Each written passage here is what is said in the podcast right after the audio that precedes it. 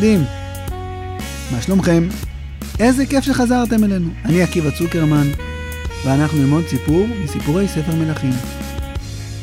רגע לפני שנתחיל, אני רוצה להזכיר לכם דברים חשובים. אני שמח מאוד על כל ילד וגם על כל מבוגר שמאזין לסיפורים שלנו. אם אתם רוצים לעזור לנו, אתם יכולים לספר לחבר שלכם ולהגיד לו, שמעת על הפודקאסט סיפורי תנ"ך לילדים? וככה גם הוא יוכל להאזין וליהנות וללמוד. למי שרוצה, יש עוד דרכים לעזור לפודקאסט שלנו, לסיפורי תנ"ך לילדים, לגדול. אתם יודעים שאתם מאזינים לנו דרך אפליקציה, או ספוטיפיי, או גוגל פודקאסט, או אפל פודקאסט. בכל האפליקצ... האפליקציות האלה יש אפשרות לדרג את הפודקאסט. אם אתם חושבים שאנחנו פודקאסט טוב, תדרגו אותנו, תנו לנו חמישה כוכבים, או כמה שאתם חושבים שמגיע לנו. זה מאוד עוזר לספוטיפיי או לאפליקציה אחרת להמליץ עלינו לילדים אחרים. ויש עוד משהו שיכול מאוד לעזור לנו. אנחנו צריכים לשלם לשרתים שמאחסנים את הפודקאסט, ויש לנו עוד הוצאות של פיתוח, ומי שרוצה יכול לתרום לנו כסף בביט או בפייבוקס. יש פרטים בדף של הפרק. רבים מכם תורמים ועוזרים לנו להיות יותר מקצועיים ולהמשיך. תודה רבה לכולכם. ועכשיו, לסיפור. בפעם הקודמת, אתם בטח זוכרים, אני סומך עליכם. סיפרנו על הפזמון של ספר מלכים. רק העם מזבחים בבמות. הבמות היו מזבחות שהקריבו בהם כשלא הקריבו בבית המקדש, כי עדיין לא נבנה בית המקדש. סיפרנו גם על הבמה הגדולה בגבעון, ששלמה הלך אליה להקריב קורבנות, להגיד להשם תודה שהוא עזר לו להיות מלך. כמה קורבנות שלמה הקריב? רק שנייה, נחשב את זה. אחד ועוד אחד. יש פה עוד uh, שניים, שלושה, עוד 157, עוד 549, עוד... מה? רגע, רגע, רגע, שנייה, אתם, אתם, אתה בטוח שזה כל הכבשים זה של שלמה לק... מה? אלף? אלף עולות. שלמה הקריב אלף קורבנות עולה. אחרי ששלמה הקריב את כל הקורבנות שלו, והסתיים היום, הוא הלך לישון. כל לילה שלמה היה סופר כבשים, אבל הפעם לקח לו המון המון המון זמן להירדם. הוא היה צריך לספור עוד כבש, ועוד כבש, ועוד כבש. הוא ספר וספר וספר וספר וספר וספר וספר וספר וספר וספר ונרדם רק אחרי שהוא הגיע לכבש האלף. וכששלמה נרדם הוא חלם חלום. ובחלום, השם אמר לו, שלמה, אתה המלך של עם ישראל. אני רוצה לעזור לך, ואני רוצה לעזור לעם ישראל. אתה ממשיך את המלכות של דוד, הצדיק, דוד עבדי. אני רוצה לעזור לך. שאל מה אתן לך, מה אתה רוצה לבקש? אז שלמה ענה לו, השם, אני קודם כל רוצה להגיד לך תודה. אתה עשית אותי מלך, זה חסד גדול שעשית. לא איתי, עם אבא שלי, שרצה שהבן שלו ימשיך אותו, כמו, אני חושב, כל מלך. ואני יודע, ככה שלמה המשיך להגיד להשם, שהסיבה שזה הצליח לאבא שלי היא כי הוא היה צדיק, והלך בדרך של אמת, ושל צדק, ושל יושר, ועשה מעשים טובים וישרים. ככה דוד התנהג כשהוא היה מלך. ואני גם רוצה ללכת בדרך הזאת. אני רוצה להמשיך את אבא שלי. אבל זה קשה. זה קשה להיות מלך. על המלך יש הרבה מאוד לוחצי, לחצים. כל אחד רוצה שהמלך יהיה בידו, כל אחד רוצה שהמלך יעזור דווקא לו במריבה שלו עם חבר שלו. המלך צריך לשפוט את עם ישראל. וכשבאים שניים לעשות משפט, כל אחד רוצה שהמלך יהיה לטובתו. וזה קשה. השם, אני רוצה להיות טוב, אבל זה לא מספיק שאני רוצה להיות טוב, אני צריך להיות חזק ולהצליח להיות טוב. אבל אם אני אהיה חזק, זה גם קשה. יש מלכים שבגלל שהם מאוד מאוד חזקים, הם מפעילים את הכוח שלהם סתם נגד אנשים טובים, מתאכזרים לאנשים. השם, שלמה הרגיש קצת אבוד בחלום הזה כשהוא דיבר להשם. איך נהייתי מלך? אני נער צעיר. מה, אני, אני יכול להיות מלך טוב? עם ישראל זה עם של המון המון המון המון אנשים. איך אני אצליח לנהל את העם בצורה טובה, להנהיג אותם בצורה טובה? איך אני אצליח לשפוט אותם בצורה ישרה ואמיתית וצודקת? מה, אני יודע, אני יודע לשפוט אותם טוב? אימא'לה. זה מאוד מאוד קשה. השם, אני רוצה לבקש ממך. ונתת לעבדך לב שומע לשפוט את עמך, להבין בין טוב לרע. כי מי יוכל לשפוט את עמך הכבד הזה? הבנתם מה שלמה ביקש? כן? שלמה ביקש, השם, תן לי לב שמצליח לשמוע את האמת, שמצליח לשפוט משפט אמת. בבקשה ממך, אני זקוק לזה. אני רוצה להיות מלך טוב לעם ישראל. תגידו את האמת. זה מה שאתם חשבתם ששלמה יבקש? מה אתם הייתם מבקשים? תחשבו רגע, אם הייתם מקבלים את המלוכה, מה הייתם מבקשים בתור מלכים? השם שמע את הבקשה הזאת ואמר לשלמה, האמת, שלמה, אני מופתע. חשבתי שתבקש להיות מלך עשיר גדול, שיהיה לך מלא כסף וזהב ואבנים טובות וסוסים, או שתבקש להיות מלך חזק מאוד, שמצליח לנצח במלחמות את כל האויבים שלו. חשבתי שאולי תבקש אריכות ימים, שלא תהיה חולה, שלא תיפצע או תמות חס וחלילה, אלא תמות בזקנה, בשיבה טובה. אבל אתה, אתה ביקשת להיות טוב וישר, אתה ביקשת לב שומע ומבין משפט.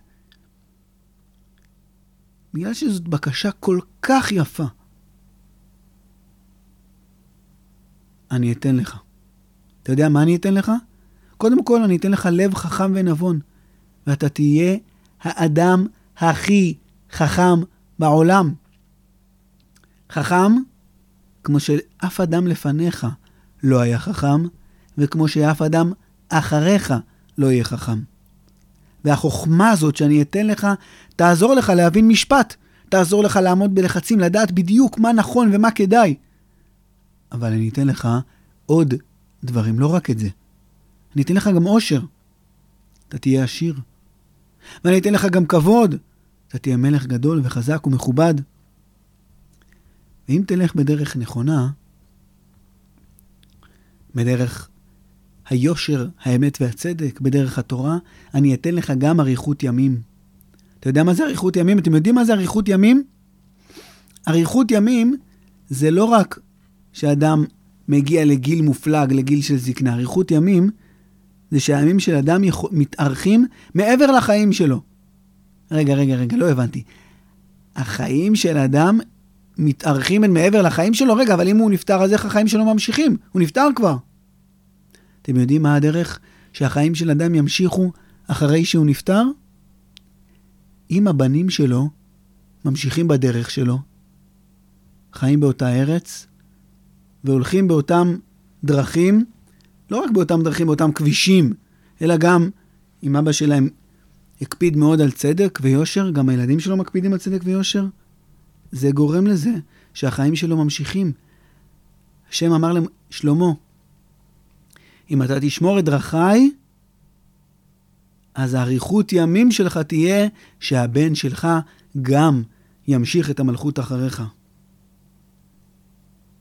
החלום נגמר, שלמה קם בבוקר שמח מאוד, חזר לארמון שלו בירושלים, והקריב שם עוד קורבנות, אבל שם הוא הקריב שני סוגים של קורבנות. הוא הקריב גם עולות, עולה. אתם יודעים מה זה קורבן עולה? או קורבן עולה זה קורבן שכולו, כולו, כולו קרב להשם. מה זאת אומרת? רגע, רגע, לא הבנתי. קורבנות זה קורבן שמקריבים להשם. מה זה קורבן? אז כל... לא, לא, לא, לא. יש קורבנות שהם כולם עולה כליל, שכולו להשם. אבל יש קורבנות אחרים. יש קורבן שקוראים לו קורבן שלמים. קורבן שלמים זה קורבן שחלק ממנו מקריבים על המזבח להשם, וחלק ממנו, מי שהקריב את הקורבן אוכל. זה בשר, שאפשר לעשות אותו על האש, אפשר לבשל אותו, אפשר לעשות ממנו מרק. חלק מהקורבן אוכלים אותו. מי שאוכל קורבן שלמים, זה קצת כמו לאכול סעודה ביחד עם הקדוש ברוך הוא, מנה אחת, חלק ממנו, על המזבח להשם, וחלק האדם אוכל. חכמים אומרים שבגלל זה קוראים לזה שלמים, כי זה עושה שלום בין הקדוש ברוך הוא לבין האדם שהקריב את הקורבן. אז שלמה חזר לירושלים והקריב שם עוד קורבנות, גם עולה וגם שלמים. ולקורבן השלמים הזה הוא הזמין יחד חברים ואוהבים ובני משפחה וישבו יחד, אכלו ושמחו ושתו. שלמה ישב בארמון שלו, ישב על הכיסא, כיסא המלך, והתעסק בכל מיני עניינים כאלה של מלך.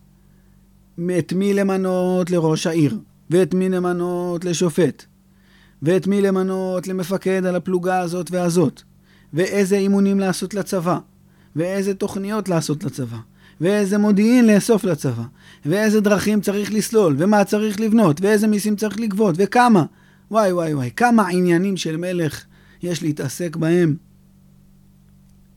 ותוך כדי ששלמה התעסק בכל הדברים האלה ובכל המשימות האלה, הוא שאל את עצמו, בלב, כן? הוא לא אמר את זה בקול. מה, באמת נהייתי כזה חכם? האמת, אני לא בטוח, אני לא מרגיש ככה. מעניין אם אני באמת הרבה יותר חכם ממה שהייתי עד עכשיו. שלמה חיכה להזדמנות שתראה לו. וההזדמנות הזאת הגיעה. אתם יודעים מתי? אמרנו כבר שחלק מהתפקיד של מלך היה לעשות משפט, להיות שופט. היום, בימינו, כל אדם שרוצה יכול ללכת לבית משפט ולהגיש תביעה. נגיד אם מישהו הזיק לו, שבר לו משהו ולא מוכן לשלם, אז הוא הולך לבית משפט, צריך לשלם איזשהו סכום כסף, מגיש בקשה, ואז השופט מזמין אותו ואת מי שהוא תבע. כל אחד אומר את הטענות שלו, כל אחד אומר את הצד שלו, והשופט מחליט. יש משפטים קטנים, ויש משפטים מסובכים וגדולים. בארץ יש הרבה מאוד שופטים. יש בתי משפט, יש עורכי דין, יש משטרה. אבל בתקופה של שלמה המלך, ובכלל, פעם, בעולם העתיק, זה לא היה ככה, זה לא היה כל כך מסודר. לא היו בתי משפט מסודרים בכל מקום, אנשים שעבדו בלהיות שופטים. אם שני אנשים רבו ביניהם, לפעמים הם פשוט הלכו לאיש חכם מהעיר שלהם שהם סומכים עליו, והוא שפט אותם. אבל אם היה משפט מאוד מאוד מסובך, הלכו איתו אל המלך. התפקיד של המלך, של כל המלכים, וגם של שלמה, היה לשפוט את העם.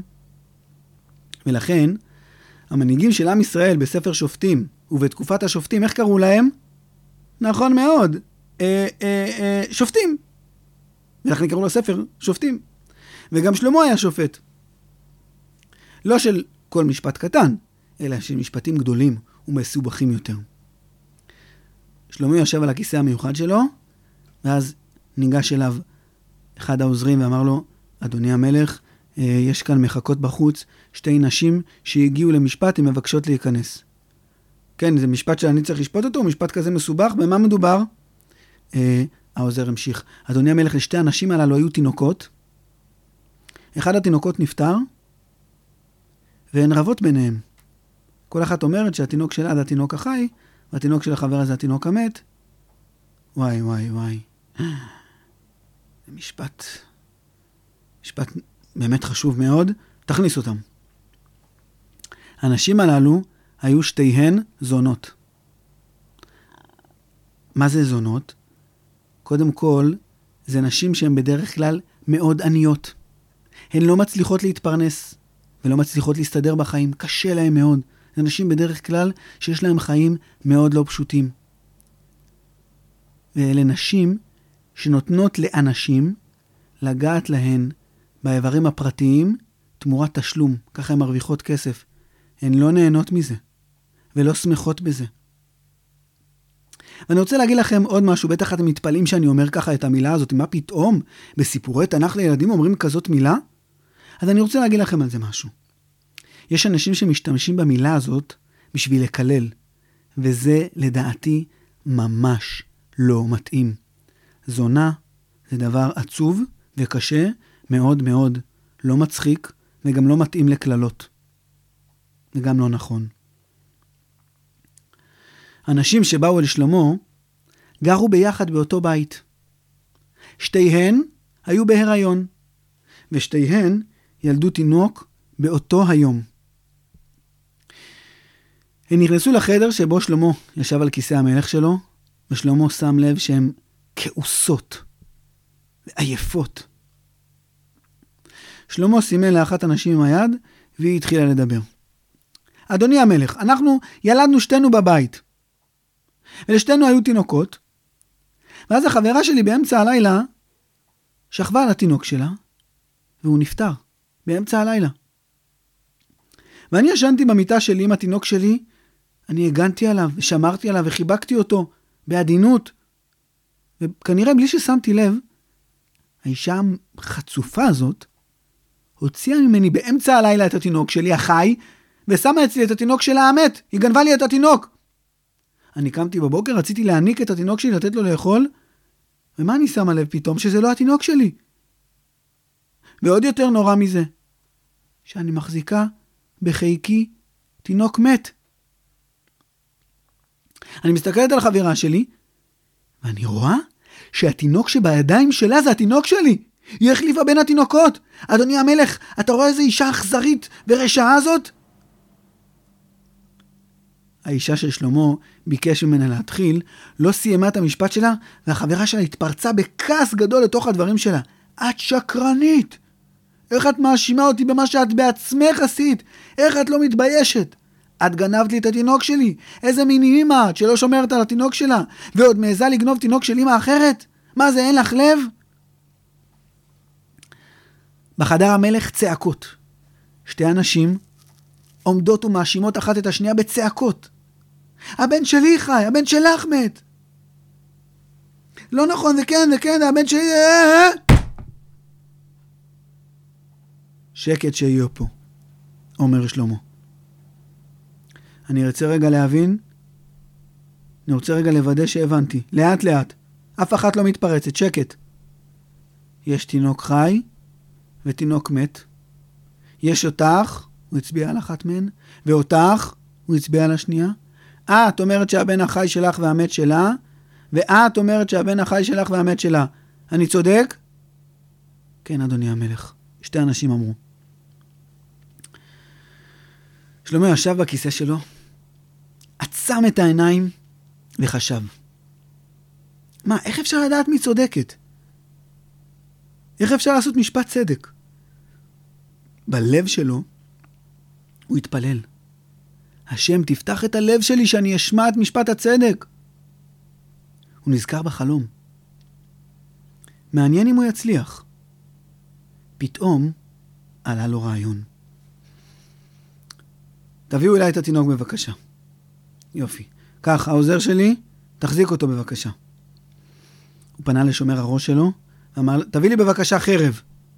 חרב? בבקשה, אדוני המלך. יופי. טוב, החרב הזאת, המלך פנה לשומר הראש השני שלו. קח אותה, ופשוט אה, נחלק את הילד לשניים. תחצה אותו בדיוק, אני מבקש שתחצה אותו בדיוק לשני חצאים שווים, ניתן חצי לאישה הזאת וחצי לאישה הזאת. זה יהיה משפט צודק, נכון? חצי חצי. לרגע אחד, החדר היה שקט לגמרי. כל מי שהיה שם, השומרים, היועצים, הנשים, הפקידים, בהתחלה הם חשבו שהמלך אומר את זה בצחוק. אבל אז שלמה פנה לשומר הראש שלו ואמר לו, נו, קדימה, תגזור אותו, תחתוך אותו לשניים. אני רק מבקש שוב, תקפיד בבקשה לחצות אותו בדיוק לשני חצאים שווים כדי שלא יריבו ביניהם.